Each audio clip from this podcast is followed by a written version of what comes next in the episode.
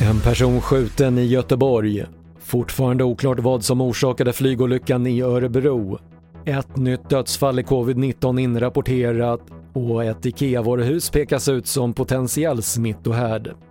Ja, TV4-nyheterna börjar i Göteborg där en person sköts på en frisörsalong i Högsbo under eftermiddagen. Polisen skriver på sin hemsida att den skjutna personen misstänks tillhöra gängmiljön i Göteborg och man har stora resurser i området i jakten på misstänkta gärningspersoner. Enligt obekräftade uppgifter ska personen ha dött av skadorna. Det är fortfarande oklart vad som orsakade flygolyckan i Örebro igår där alla nio personer ombord omkom. Haverikommissionen säger att det enligt data som hittills kunnat utläsas bara rör sig om några få sekunder mellan att planet kom upp i luften och att det kraschade.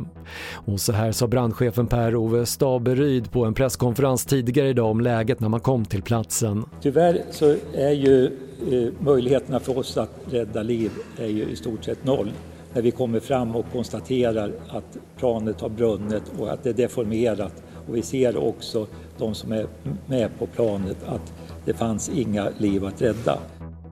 Ett nytt dödsfall med bekräftad covid-19 har rapporterats in idag meddelar Folkhälsomyndigheten.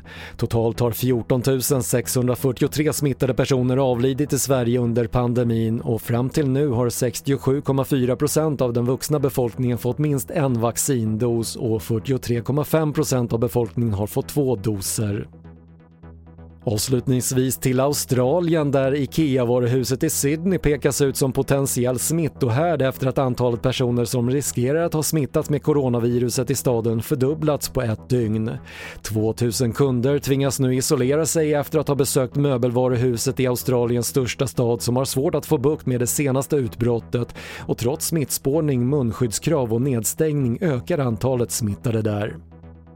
Det var det senaste från TV4 Nyheterna. Jag heter Patrik Lindström.